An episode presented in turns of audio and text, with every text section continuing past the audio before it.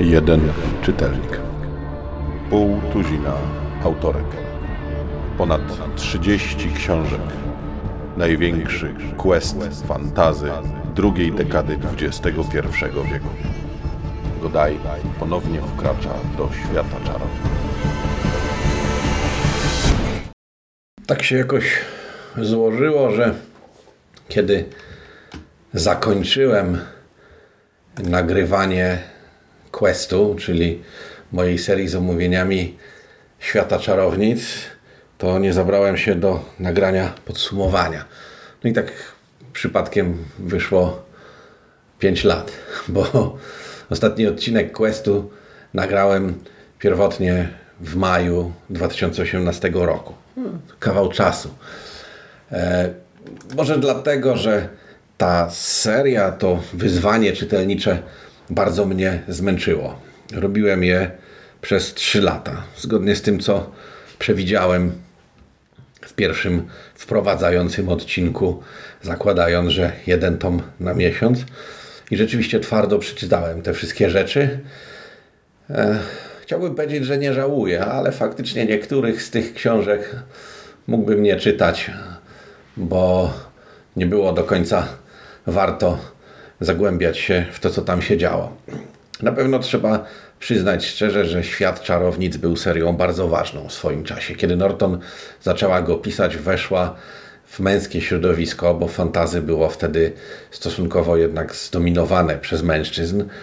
E, zupełnie inaczej niż teraz, mam wrażenie, to wygląda. Zresztą podobno w Stanach Zjednoczonych grubo ponad 60% e, literatury w ogóle piszą kobiety. Takie to czasy przyszły.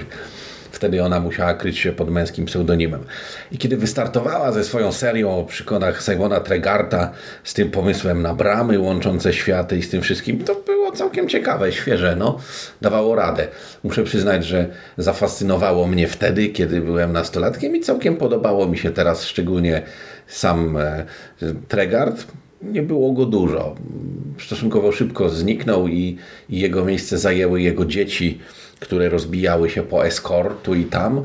I rzeczywiście to były dobre y, tomy. Cały w zasadzie Estcarp, tak na dobrą sprawę, od y, tam właśnie Świat Czarownic w Pułapce, Dzieci Tregarta, e, jakieś tam dodatkowe rzeczy typu Czarodziejskie Miecze, Strzeż Sokoła czy Brama Kota i te dwie powieści napisane z Lin McConchy, czyli Pieśń Ciary i książęca ballada, która rozgrywa się, one nawiązują bardzo mocno do tych pierwszych rzeczy. To były dobre rzeczy, to były naprawdę fajne rzeczy.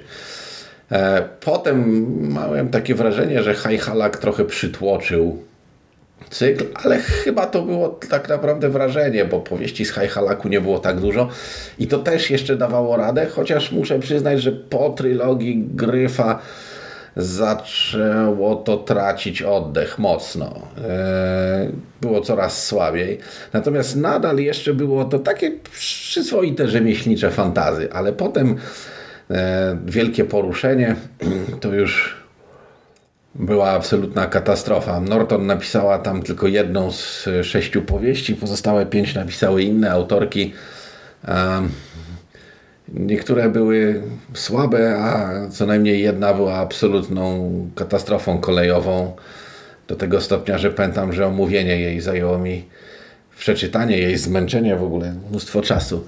E, to samo mogę spokojnie powiedzieć na temat opowiadań, o ile zbiory opowiadań napisane przez Norton były niezłe i powiedzmy jeszcze czworo ze świata czarownic też dawało radę. To już ta cała seria opowieści ze świata czarownic to była sieczka, w której naprawdę strach zanurzyć rękę, żeby pomacać, czy coś dobrego da się wydobyć.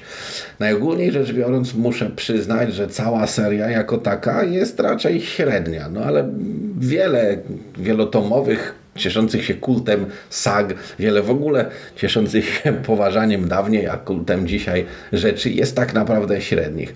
Świat czarownic miał fajny koncept, fajne otwarcie.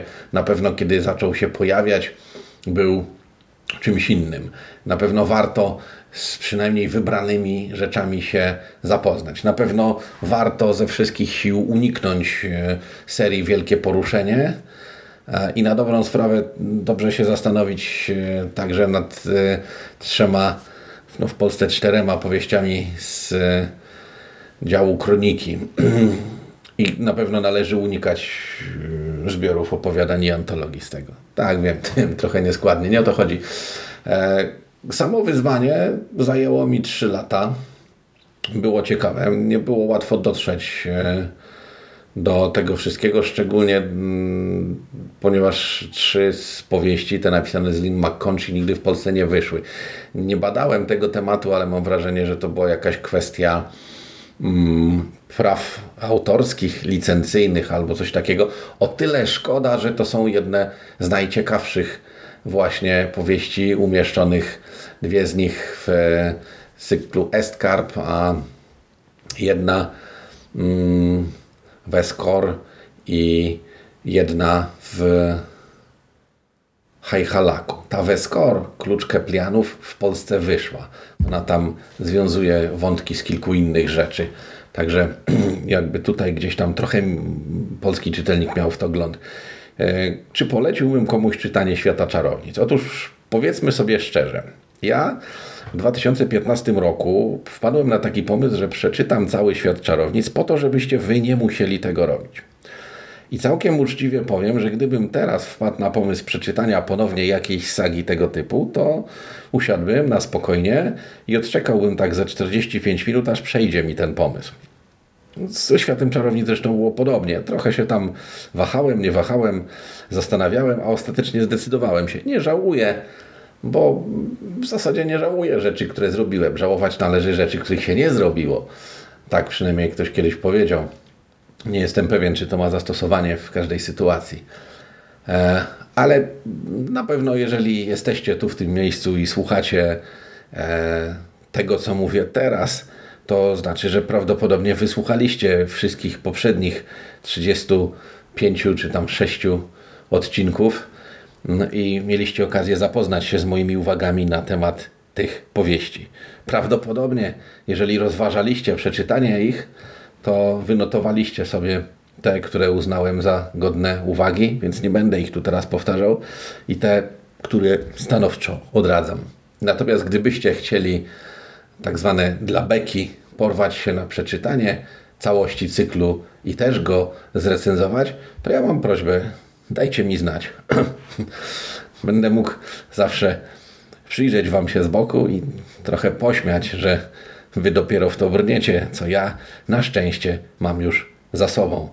Co 5 lat temu odhaczyłem i czego już więcej w życiu nie będę musiał robić. Myślę, że były rzeczy e, ciekawsze, jak na przykład ponowne przeczytanie całego Ziemiomorza Ursuli Le Guin, jak ponowne przeczytanie całej ekumeny Ursuli Le Guin i jak e, ponowne przeczytanie Władcy Pierścieni, do którego przymierzam się od jakiegoś czasu. Ale odkąd przyszła ta cholerna chińska zaraza i cały świat się zmienił, o, wiele rzeczy zmieniło się dla mnie na lepsze. Na przykład zacząłem pracować zdalnie, ale wiele rzeczy zmieniło się też na gorsze. Muszę przyznać całkiem uczciwie, że od momentu, kiedy pandemia sprawiła, że wszystko się zmieniło i świat oszalał, to prawie przestałem czytać książki. Teraz nawet skończenie innego mojego wyzwania czytelniczego, czyli peteckiego, gdzie zostało mi 4 czy 5 powieści do przeczytania, jest e, dla mnie no właśnie tym wyzwaniem. Siedzę, czytam komiksy, o czym zresztą świetnie wiedzą wszyscy słuchacze moich bieżących podcastów, gdzie właśnie komiksy głównie omawiam. Co mogę powiedzieć? Przeczytanie tego wszystkiego to było wielkie wyzwanie, ciężka robota. Myślę, że wysłuchanie wszystkich tych audycji też było dla Was pewnym doświadczeniem. Mam nadzieję, że nie do końca traumatycznym, ale na pewno przyznaję, e, wymagało odwagi. A więc pozdrawiam Was serdecznie wojowniczki, wojownicy, czarodziejki, magowie, ludzie, którzy przechodzą przez bramy różnych światów, żeby zapoznać się z tym, co jest po drugiej stronie i którzy dają się tym światom wciągnąć, chociaż wszyscy dobrze wiemy, że czasami woleliby się w niektóre miejsca jednak nie zapuszczać. Pozdrawiam Was serdecznie, czytajcie książki, róbcie absurdalne wyzwania, i nagrywajcie podcasty. Róbcie tak, żeby mieć w życiu trochę frajdy z tego wszystkiego, bo w końcu chyba o to chodzi, no nie?